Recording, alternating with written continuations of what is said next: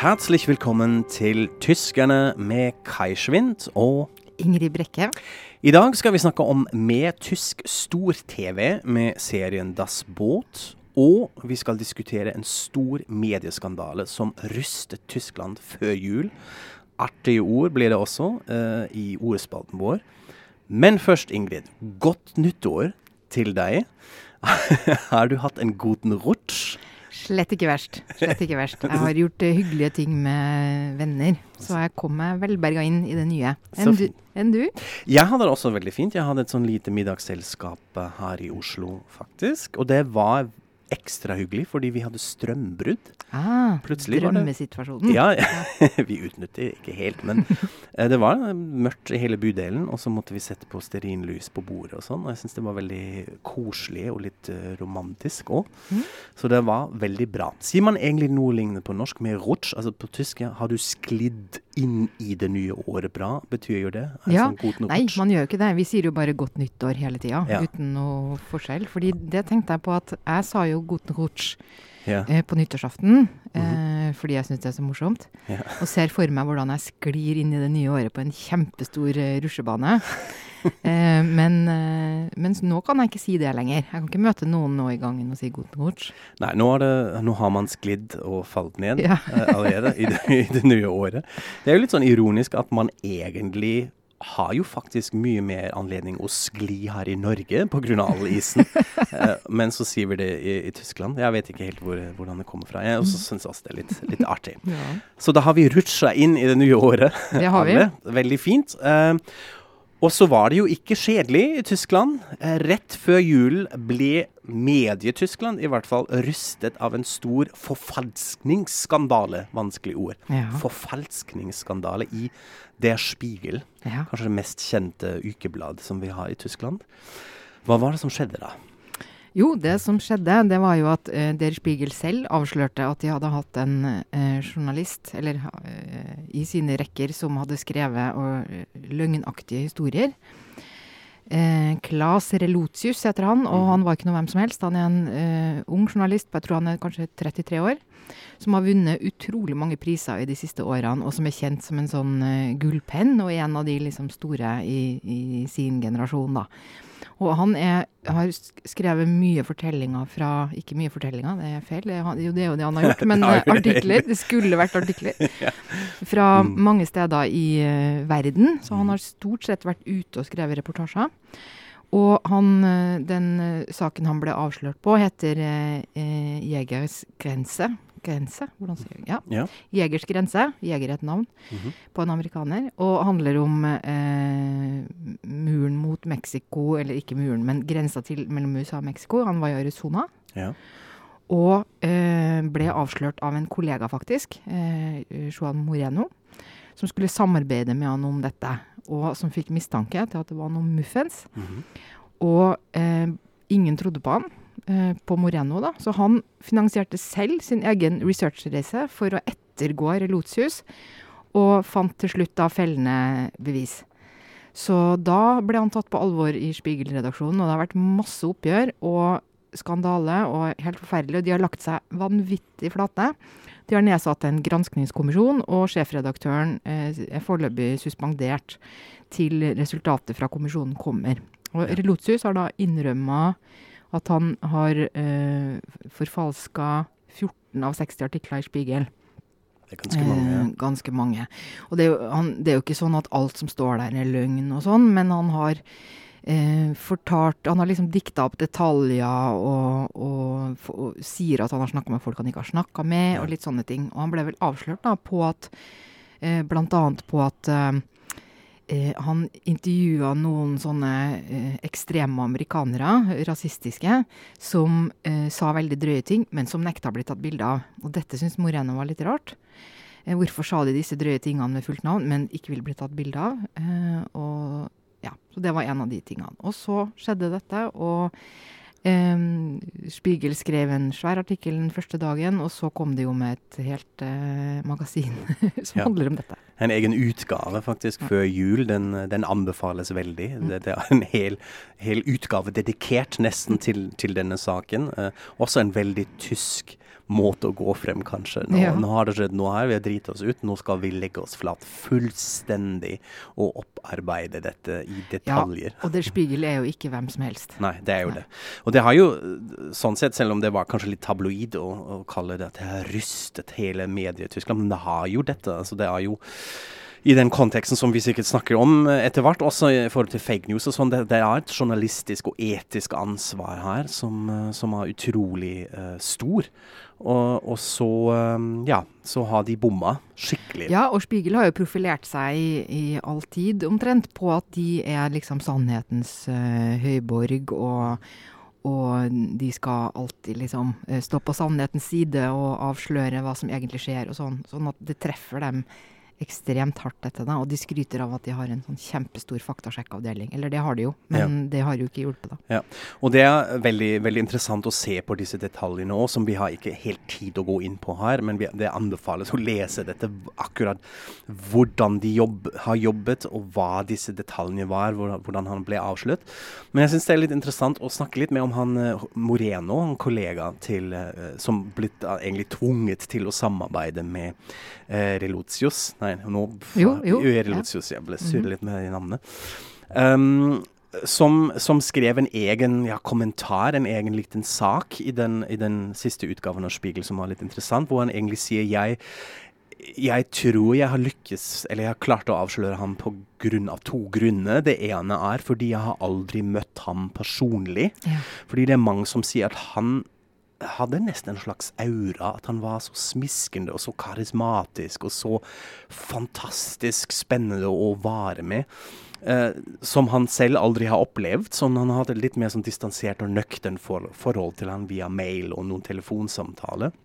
Og det andre er at han fra begynnelsen har stusset litt over disse litt rare detaljene i historien hans. Uh, han beskriver her at han leste en sak av han om uh, folk på Cuba, veldig fattige folk, som uttalte seg om sine skatteplaner og skattestrategier. Hvor han var sånn, de har så fattige, de har, de har ikke noen skatteplaner og sånn.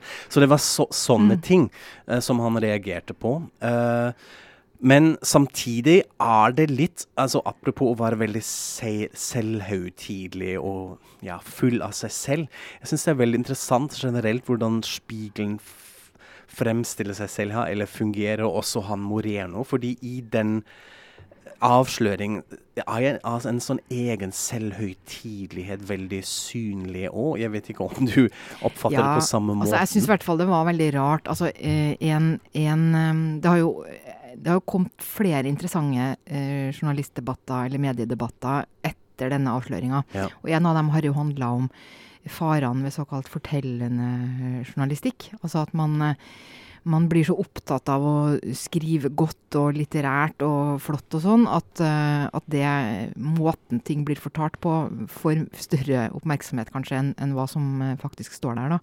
Og Derfor så syns jeg jo det var helt utrolig å se hvilken fortellerteknikk Spiegel selv brukte da de avslørte det. Ja. For da skrev de nettopp en sånn dramatisk historie om hvordan Relotius står på en scene og mottar en pris. Eh, og alle jubler, og så senere blir han fratatt den. Og jeg måtte jo lese langt ned gjennom artikkelen for å skjønne hva dette egentlig handla om. Jo, eh, Spiegel er en journalist som har lygd, for, lygd og forfalska i lang tid. Ja. Så, sånn at de har jo disse grepene fortsetter de å, å bruke, da. Og jeg, syns det var litt sånn målplassert også. Det er Ja. kanskje noe med den selvtydeligheten. Da, at da skulle jeg faktisk bare ønske at de skrev 'vi har tatt feil', eller noe. Ja. Eller 'vi hadde en falskner blant oss', eller Ja. noe sånt. Og ramsa opp, og så fikk man vite det med en gang. I stedet for å lese sju sider med sånn drama. Ja, og jo, de har jo fått litt kritikk, eh, eller veldig mye kritikk for det òg. Og det, det, er, det er veldig synlig. altså I den Moreno-saken, han avslutter jo med en litt sånn, nesten litt sånn fake ydmykhet. Nei, jeg har ikke gjort noe stort, jeg har bare hatt en sånn magefølelse. Og ja, hva, hva lærer vi her? Können wir daraus etwas lernen? Ja, journalisten sind Menschen, und Menschen lügen. Uh, altså, det er litt sånn sånn slutt da han avslutter den artikkelen. Det er jo en sånn egen selvhøytidelighet Ja. midt, midt i dette.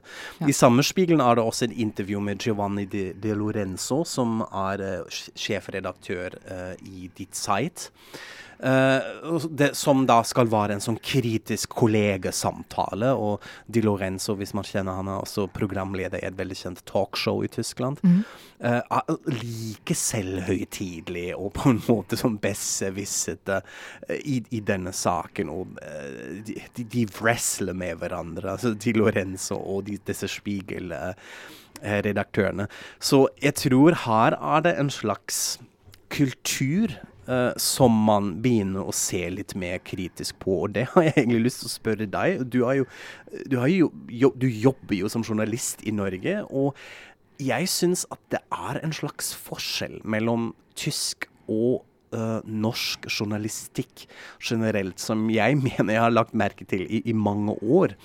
Og det er at uh, denne selvhøytideligheten, denne litt sånn store, litt mer intellektuelle, mer karismatisk strivende, ja, kanskje med en sånn narrativ, nesten fiksjonsaktig måte å uh, fortelle historie er mye mer tysk sammenlignet med her, hvor jeg ofte føler at journalister er litt mer opptatt av uh, å ramse opp fakta.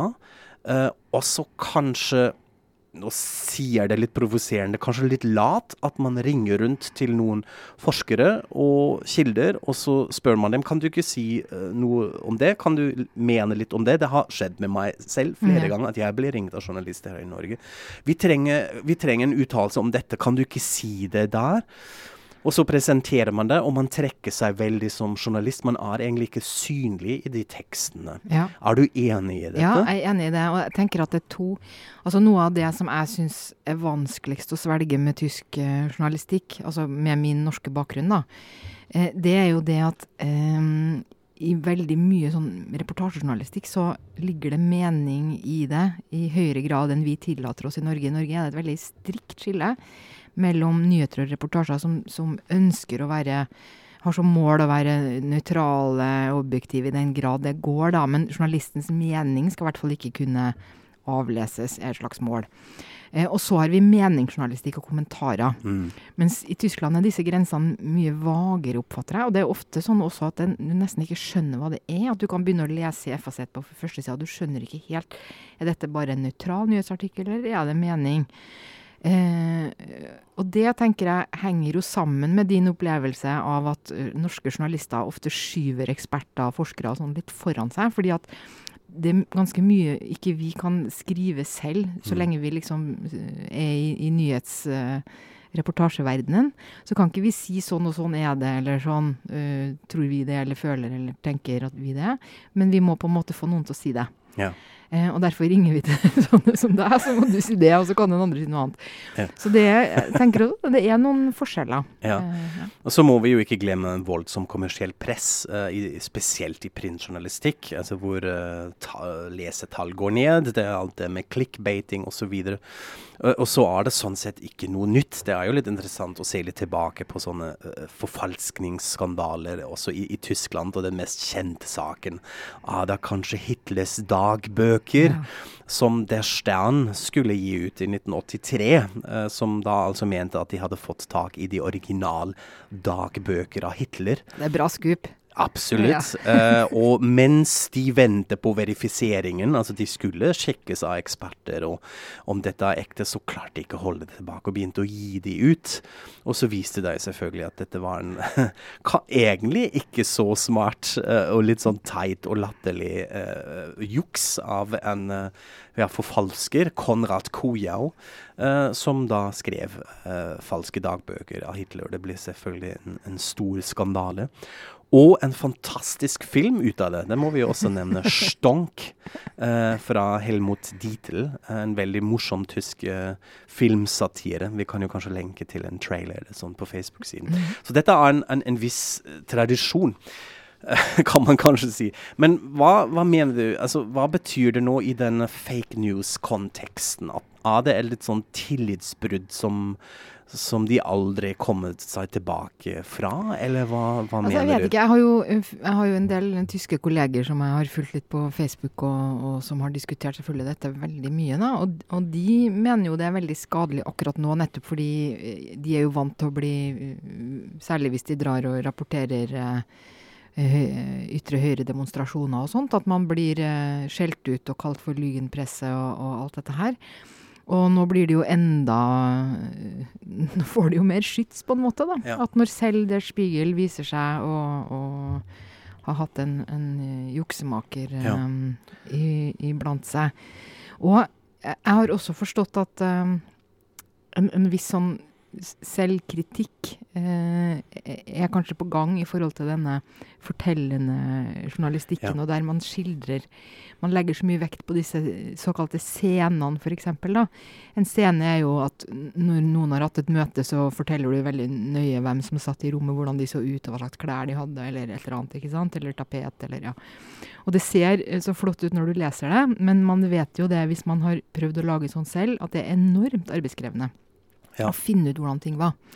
Og, og tatt i betraktning at mange er frilans og selger til stykkpris, og det er denne måten du skal skrive på, det sier seg selv at det lokker folk til å ikke alltid være helt eh, etterrettelige, kanskje. Og da blir det plutselig mer storytelling og litt sånn mm. fiksjonsforfatterknappen som, som, slår på. Eh, veldig spennende for, for, meg som medieviter eh, spesielt. Jeg syns jo at man egentlig altfor lite tar denne selvkritikken uh, i mediet. Um, spesielt med, med, hensyn til en sånn ja, litt mer sånn teoretisk diskurs som man kaller for medialisering innenfor medievitenskap. Altså en sånn tendens at i det siste århundret spesielt, hvor massemediene kom frem, at den offentlige sfæren har tilpasset seg mer og mer en viss medielogikk. Mm. Altså hvis vi f.eks. Uh, tar politikk uh, som en sånn stor område i offentligheten, så er det både måten vi snakker om politikk, men også hvordan politikken gjennomføres. Utrolig påvirket av medielogikk.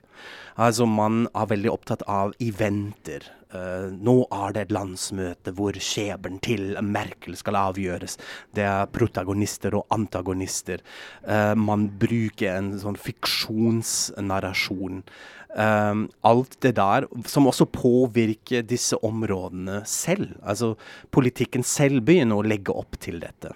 Uh, og det der syns jeg uh, er noe man er altfor lite selvkritisk til innenfor medien, eller i hvert fall obs på.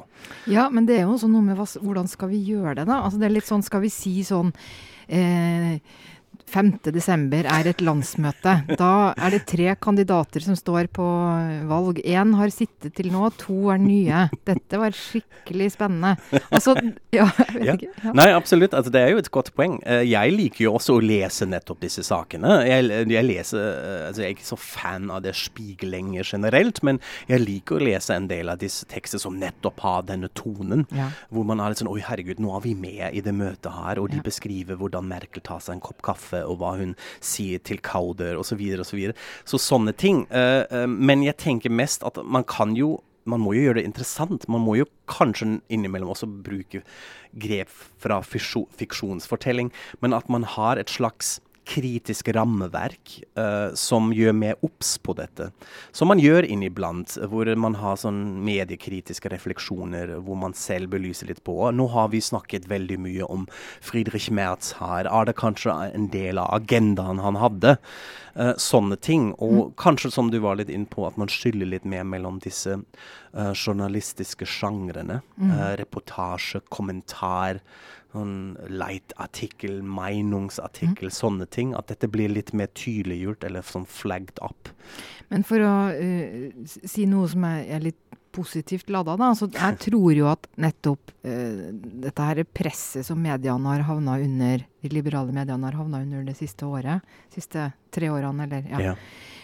Og så kommer i Tyskland da, sånn som dette i tillegg. Og vi hadde jo også en, en skandale i Norge for et par år siden jeg, jeg, tror faktisk at det gjør oss bedre. Altså at vi har en evne til ja. selvrefleksjon. Og vi er jo helt, helt, helt avhengig av tillit.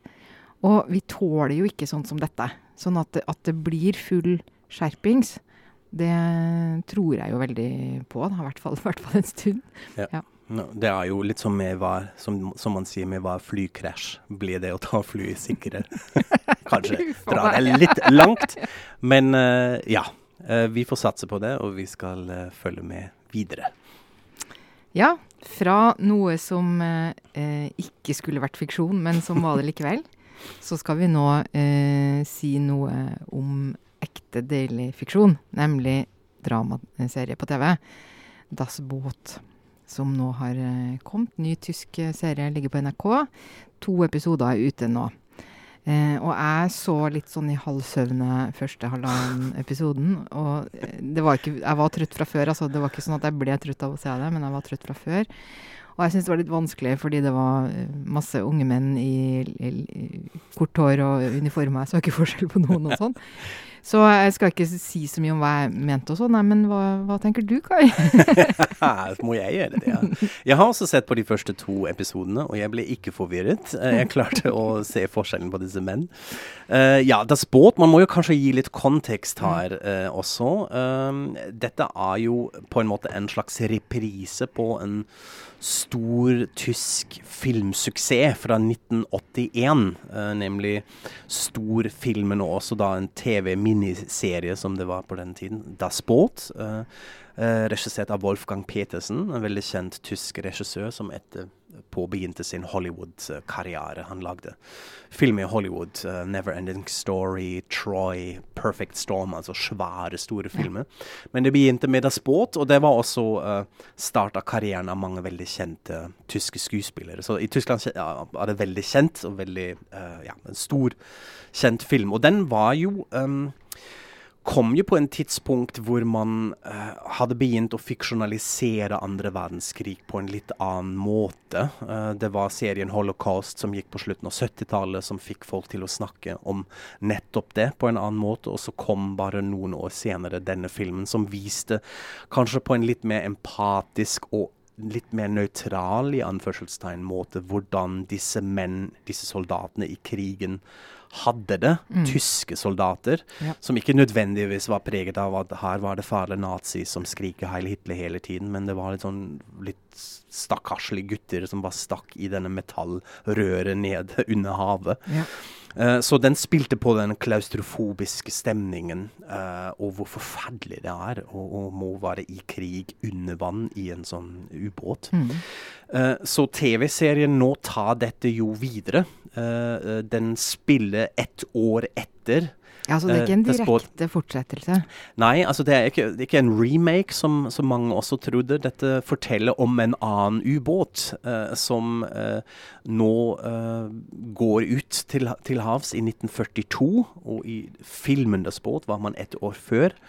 Men nå er det altså en annen type ubåt med et nytt mannskap som skal delta i, i krigsføringen. Uh, og det som er kanskje den største forskjellen, altså det som TV-serien gjør, at man ikke bare er i ubåten. Det er uh, en del handling som utspiller seg i La Rochelle, altså i uh, franske byen hvor båten legger til og skal ut, ut til havna. Som var okkupert ja. under krigen? Under krigen, Så man får rett og slett med sånn krigskontekst fra det okkuperte Frankrike. Og da også, og det er kanskje også litt fint Uh, i, i, i, år, altså i det året 2018-19 at man har også en kvinnelig hovedrolle. Det er ikke bare menn uh, som er med, men man har uh, en kvinnelig hovedrolle som har søstera til han radioteknikeren som er med på båten. Men hun er da i La Rochelle, og ved et uhell ble hun sånn blandet inn med resistance i Frankrike, selv om hun selv er tysk, eller fra Alsace, eh, egentlig. Jeg kan jo fortsette min litt slurvete, kritiske eh, innspill og si at det var noen andre damer der også, som var litt nakne og sånn, så det er jo noe med å få vi, vise fram litt eh, hud ja. og sånt som kanskje også trengs i disse Netflix-tider, Absolutt, og det har du litt rett i. Altså, jeg eh, blir jo litt revet med uh, og har lyst til å fortsette å se, men det er jo også veldig sånn oppskriftete, hvis man kan kalle det det. Dette er helt åpenbart rettet mot et internasjonalt Netflix Netflix-publikum. Det er en stor produksjon, en koproduksjon av bl.a. Sky, de samme folka som står uh, bak Babylon Berlin. Uh, og man har nok sett ok, her kan vi fortelle en historie som fungerer i mange land. Det er tysksnakking, det er fransk, det er engelsk. altså De karakterene snakker yeah. litt sånn. Så det er jo veldig smart grep. Yeah. Men så er det også kanskje litt sånn litt overfladisk og litt sånn tradisjonelle fortellergrep som vi har sett mange ganger før. Så du tror ikke dette er en sånn TV-serie som blir stående sammen med Babylon Berlin? Jeg tror ikke det. Jeg tror ikke det. Litt på grunn av det. Nettopp det. Den fortellerferdighet, uh, eller fortellermåten. Men også, og jeg vet ikke om du følte litt det samme Nå er vi tilbake til andre verdenskrig. Litt sånn snork Sik mm. altså, må vi gjøre dette igjen? Litt sånn, Som var litt interessant, fordi det er jo et sånn forspenningsdrama, fantastisk scenario, men jeg var litt lei av hakkekors.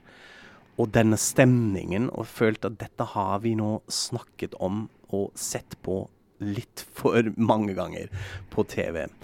Men jeg skal følge med videre. Ja. Altså, det er eh, holde for min del.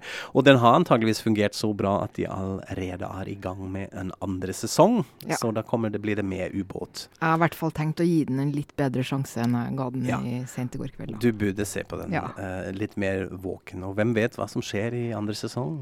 Kanskje de møter Beatles i Yellow Submarine, jeg vet ikke. så vi får se. Ja, og dere må gjerne følge med òg og fortelle oss hva dere syns på Facebook-siden vår. Men før vi runder av, må vi jo ha vår ordspalte. Og da har du med noe, Ingrid? Ja, da har jeg med noe. Jeg har med et uh, uttrykk, må vi kalle det. Tre ord. Ja. Friede, freude, eierkuchen. Og dette er sånn som jeg uh, hørte ganske tidlig uh, når jeg begynte å, å, henge i Tyskland, og som jeg alltid bare ignorerte fordi jeg forsto det ikke. Og så etter hvert så begynte jeg å skjønne at uh, det var noe koselig. Yeah. Og så nå som jeg har blitt utrolig mye mer avansert, så har jeg skjønt at det er ikke bare Det er liksom noe som later som det er koselig.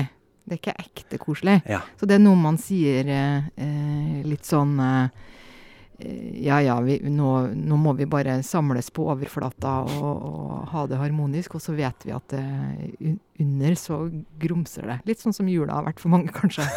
ja, absolutt. Ja, er, jeg, jeg, blir alltid minnet på den, denne formuleringen. Ja, da kan vi jo være enige om å være uenige. Ja, takk. At det er en litt sånn konfliktsky. Vi skal dekke over de konfliktene. Og så er det fortalt på en litt mer over the top-måte. Fride, freud, litt sånn glede. Ja. Akkurat hvor denne eierkoren kommer fra, det vet jeg faktisk ikke. Om Nei. dette er noe spesielt. Jeg har en litt uh, på sida av eierkoren-historie, kanskje. Oh, ja, gjerne For jeg var nemlig i, i Dresden. Og der besøkte jeg et uh, hjem for uh, demente. Eh, eller folk med Alzheimer. Vel, ja. De, altså, ja, de er gamle og har i, ikke noe særlig hukommelse igjen. Og der hadde man innreda, som i DDR-tiden, for å hjelpe dem eh, til å uh, føle seg tryggere og, og, kanskje kjenne igjen ting fra da de var yngre. Da. Oi, litt så, som i 'Goodbye Lenin' i ja, filmen? Litt sånn, mm det er litt sånn. Så dette skrev jeg en, en reportasje om for Aftenposten. Det var kjempeinteressant å være mm der, og mange gode grunner til at de gjorde dette. Men i hvert fall, da ble jeg satt i den situasjonen da jeg skulle intervjue to utrolig blide, søte, eldre kvinner. Men fordi de ikke har noen hukommelse og ikke selvfølgelig noe begrep om hvem jeg var eller hva dette var, så skjønte jeg liksom ikke hva jeg skulle snakke med dem om. eller hvordan jeg skulle gjøre det, så jeg spurte hva er favorittkaken? og det var Eierkuchen. Ja, så da så jeg, eh, begynte jeg å legge merke til det, og at i Dresden hadde de også sånn mm. pose-eierkuchen, sånn røre som du skulle lage selv, okay. og sånn, så det er nok kanskje noe som er litt større i, i, øst. En slags formkake, tror jeg. Ja, OK. Mm. Da er jeg, er jeg, kanskje litt for vessig for ja. å forbinde noe med dette. Men ja, det, det er en, i hvert fall en fin sånn konstruksjon. Mm. Fride, freude og eierkuchen. Ja, skal vi runde av? Ja, jeg må først si to ting. Ja. Eh, jeg må si eh, at i dag er det vår eh, 25. episode. Ja, riktig. Så det er jo et slags eh, lite jubileum. Ja. Og så må jeg si at eh, vi har snart et eh, rundt tall på Facebook òg. for nå har det tatt, akselerert litt de siste ukene, sånn at nå mangler vi bare noen få for å nå 500 som liker oss. Oh, herregud. 500 venner! Ja, 500 venner. Så hvis eh, noen har lyst til å hjelpe oss med å nå, nå helt opp i 500, så syns vi det er kjempestas. Eh, så det var egentlig det jeg ville si. Og så alle som hjelper oss med det, de kan få både eierkochen og Og det som bedre. Friede og freude og, fride og alt freude og alt. Fantastisk. Lik og del, og vi høres straks. Takk for oss, und auf Wiederhören.